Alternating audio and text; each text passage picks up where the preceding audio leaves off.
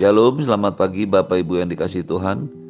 Mari kita kembali merenungkan firman Tuhan yang diambil dari Mazmur pasal 27 ayat pertama sampai dengan 14. Mazmur pasal 27 ayat 1 sampai dengan ayat 14.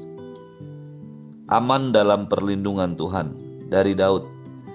Tuhan adalah terangku dan keselamatanku. Kepada siapakah aku harus takut? Tuhan adalah benteng hidupku Terhadap siapakah aku harus gemetar? Ketika penjahat-penjahat menyerang aku untuk memakan dagingku, yakni semua lawanku dan musuhku, mereka sendirilah yang tergelincir dan jatuh. Sekalipun tentara berkemah mengepung aku, tidak takut hatiku. Sekalipun timbul peperangan melawan aku, dalam hal itu pun aku tetap percaya. Satu hal telah kuminta kepada Tuhan, itulah yang kuingini. Diam di rumah Tuhan seumur hidupku, menyaksikan kemurahan Tuhan dan menikmati baitnya. Sebab ia melindungi aku dalam pondoknya pada waktu bahaya. Ia menyembunyikan aku dalam persembunyian kemahnya. Ia mengangkat aku ke atas gunung batu. Maka sekarang tegaklah kepalaku mengatasi musuhku sekeliling aku dalam kemahnya aku mau mempersembahkan korban dengan sorak-sorai. Aku mau menyanyi dan bermasmur bagi Tuhan. Dengarlah Tuhan seruan yang kusampaikan. Kasihanilah aku dan jawablah aku. Hatiku mengikuti firmanmu. Carilah wajahku, maka wajahmu ku cari ya Tuhan. Janganlah menyembunyikan wajahmu kepadaku.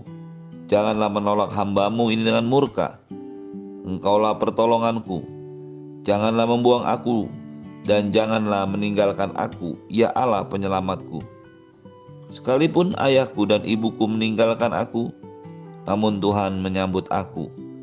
Tunjukkanlah jalanmu kepadaku ya Tuhan, dan tuntunlah aku di jalan yang rata oleh sebab seteruku. Janganlah menyerahkan aku kepada nafsu lawanku, sebab telah bangkit menyerang aku saksi-saksi dusta dan orang-orang yang bernafaskan kelaliman. Sesungguhnya aku percaya akan melihat kebaikan Tuhan di negeri orang-orang yang hidup. Nantikanlah Tuhan, kuatkanlah dan teguhkanlah hatimu. Ya, nantikanlah Tuhan. Bapak Ibu yang dikasih Tuhan, Mazmur 27 yang merupakan Mazmur yang dibuat dan dikarang oleh Daud menggambarkan betapa dekatnya Daud dengan Tuhan. Ada yang berpendapat bahwa ketika Daud menuliskan Mazmur ini, dia terinspirasi dengan segenap kesukaran ataupun hal-hal yang menyedihkan yang terjadi dalam hidupnya menjelang dia duduk dan naik tahta sebagai raja Israel. Tetapi menurut beberapa penafsiran Yahudi kuno, Mazmur ini dituliskan justru ketika Daud sudah tua. Penafsiran-penafsiran seperti ini bisa menjadi sebuah informasi yang memberikan kepada kita gambar yang lebih terang tentang Mazmur 27 yang ditulis oleh Daud ini. Satu hal yang pasti apa yang dituliskan oleh Daud bisa jadi merupakan sebuah pengalaman pribadinya, bisa jadi merupakan pengalaman orang lain yang dilihatnya, dan bisa jadi merupakan sebuah perenungan yang dalam daripada kitab-kitab suci yang diketahui Daud pada waktu itu. Daud bisa saja menuliskan semuanya ini sebagai satu nubuatan akan apa yang terjadi di masa-masa di depan setelah dia tidak ada.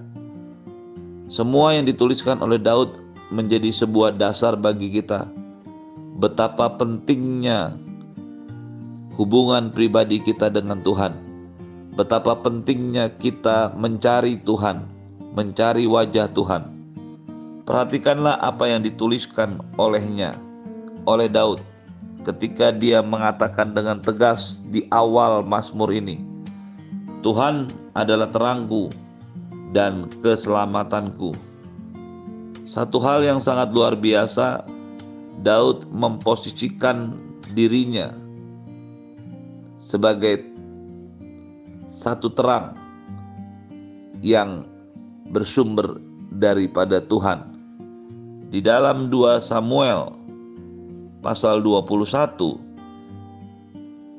ayat 17 Daud sendiri disebut oleh para pengikutnya sebagai pelita bagi Israel. Kita bisa lihat itu di dalam 2 Samuel 1 pasal 17. Ketika orang-orang Israel melarang Daud untuk ikut lagi bertempur di masa tuanya saat menghadapi peperangan melawan bangsa Filistin. Ketika itu Daud hampir saja dibunuh oleh orang-orang Filistin.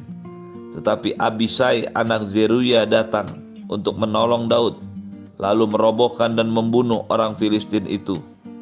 Pada waktu itu orang-orang Daud memohon dengan sangat kepadanya katanya, Janganlah lagi engkau maju berperang bersama-sama dengan kami, supaya keturunan Israel jangan punah bersama-sama dengan engkau.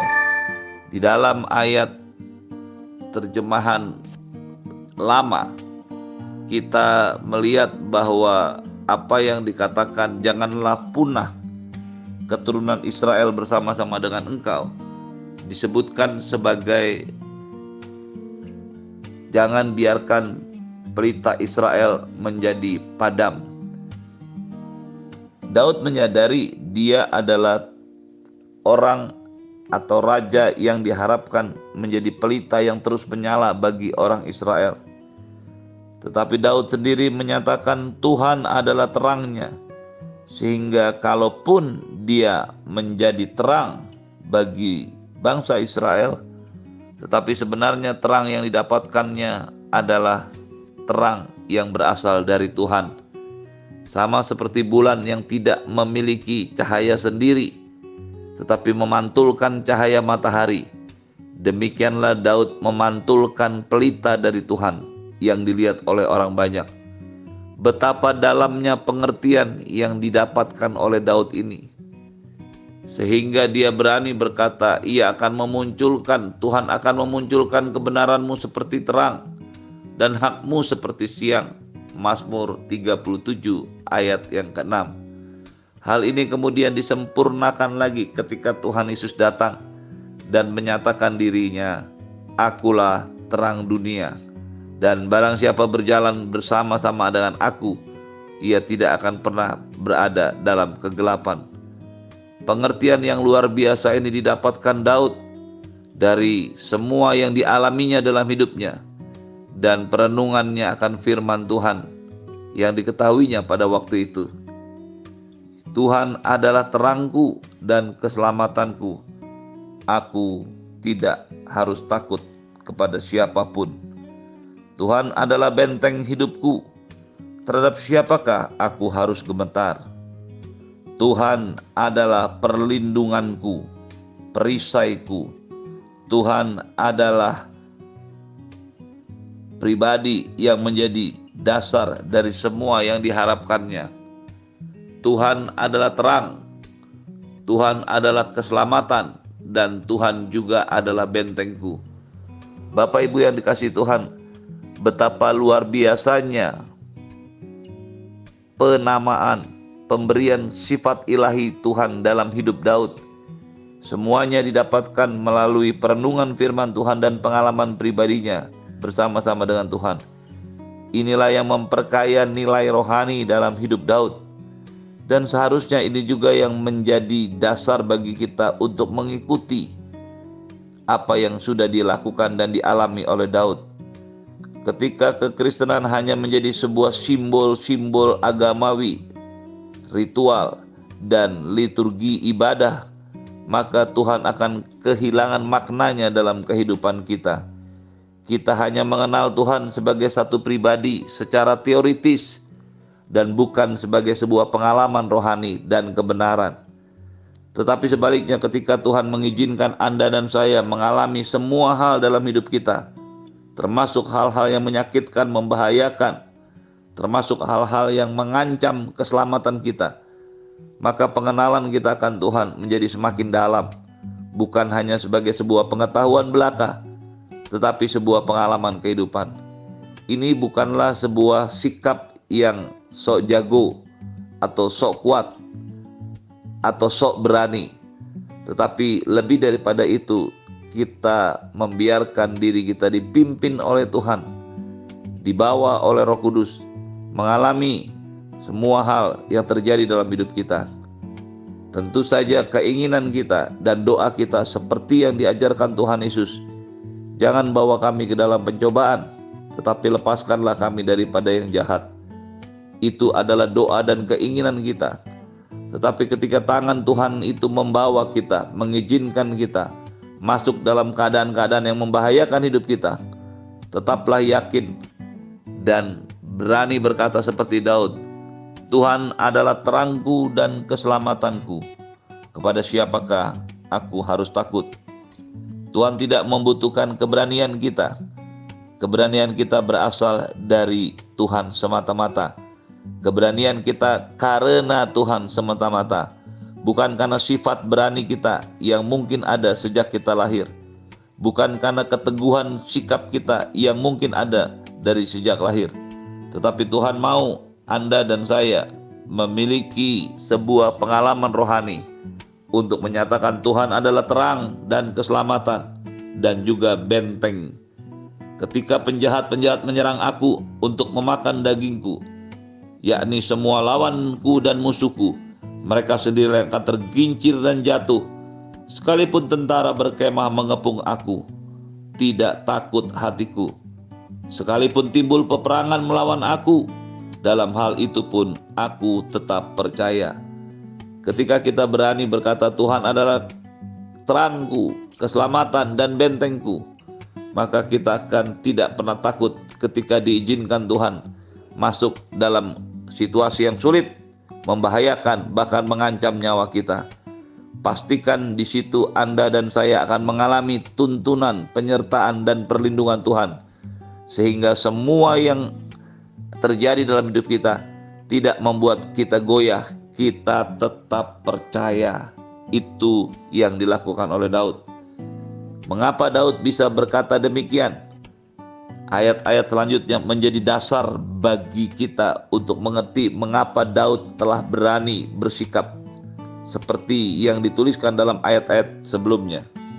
Satu hal telah kuminta kepada Tuhan, itulah yang kuingini diam di rumah Tuhan seumur hidupku, menyaksikan kemurahan Tuhan, dan menikmati baitnya. Ada satu hal yang sangat luar biasa yang dimengerti oleh Daud. Yang pertama, dia telah meminta dan bukan hanya telah meminta, tapi menjadi sebuah keinginan, hobi, kesukaannya, yaitu diam di rumah Tuhan seumur hidupnya. Banyak orang pergi datang ke rumah Tuhan sekali dalam seminggu, tapi Daud berkata, hanya satu yang kuminta dan hanya satu yang kuingini, yang kusukai, yaitu diam di rumah Tuhan. Menjadi sebuah perenungan bagi kita pagi hari ini. Sudah berapa sukakah kita akan rumah Tuhan? Tentu saja ini tidak berbicara tentang diri kita yang adalah rumah Tuhan, tapi ini bicara tentang sebuah hubungan yang erat dan intim dengan Tuhan. Bagaimanakah keinginan kita, permintaan kita kepada Tuhan. Berapa banyak permintaan dan kesukaan kita. Tetapi Daud hanya punya satu yang telah kuminta dan kuingini. Kata kuingini di sini menunjukkan arti bukan hanya suka, tapi hanya itu yang dia suka. Hanya itu yang paling dia suka. Dan itu adalah diam di rumah Tuhan. Menyaksikan kemurahan Tuhan dan menikmati baitnya Berapa banyak orang-orang Kristen pada masa kini tidak pernah bisa menikmati suasana atau keadaan dalam baitnya. Mereka hanya datang ke gereja sebagai sebuah kewajiban. Mereka hanya datang kepada Tuhan sebagai sebuah perintah dan keperluan. Tetapi Daud datang kepada Tuhan karena dia suka, karena dia minta, dan karena dia bisa menikmati baitnya. Pagi hari ini, pastikan Anda dan saya semakin hari bukan hanya sekadar taat kepada Tuhan untuk datang beribadah, datang bertemu dengan Tuhan, tetapi kita datang karena itulah permintaan, itulah kesukaan, keinginan, dan kita bisa menikmati. Ketika ini terjadi, maka tegaklah kepalaku mengatasi musuhku. Dalam kemahnya aku mau mempersembahkan korban dengan sorak-sorai. Aku mau menyanyi dan bermasmur bagi Tuhan. Inilah waktu-waktu di mana Anda dan saya menikmati baik Tuhan. Bukan hanya sekedar datang, tapi dengan segenap pikiran, Itulah sebabnya mengapa Tuhan Yesus berkata, Kasihlah Tuhan Allahmu dengan segenap akal budimu, dengan segenap kekuatan, dengan segenap jiwamu, dengan semua yang engkau dan saya berikan, bisa berikan. Datanglah dan kasihilah Tuhan. Kita akan menikmati semua yang baik. Adalah menjadi sebuah perenungan bagi kita. Ketika kita mulai bosan, mulai menjadi biasa untuk ada dalam hadirat Tuhan. Kita tidak lagi menjadi sebuah hal yang kita minta dan ingini, dan kesukaan serta penikmatan. Sebuah hal yang luar biasa ketika kita mampu ada dalam situasi ini. Pastikan ini menjadi bagian hidup kita karena di situlah yang harus terjadi dalam hidup kita. Carilah wajahku, maka wajahmu ku cari ya Tuhan. Terimalah berkat yang berlimpah dari Bapa di surga, cinta kasih yang dalam dari Tuhan Yesus, penyertaan yang setia dan ajaib daripada Roh Kudus menyertai hidupmu hari ini dan sampai selama-lamanya. Di dalam nama Tuhan Yesus semua yang percaya katakan amin. Shalom.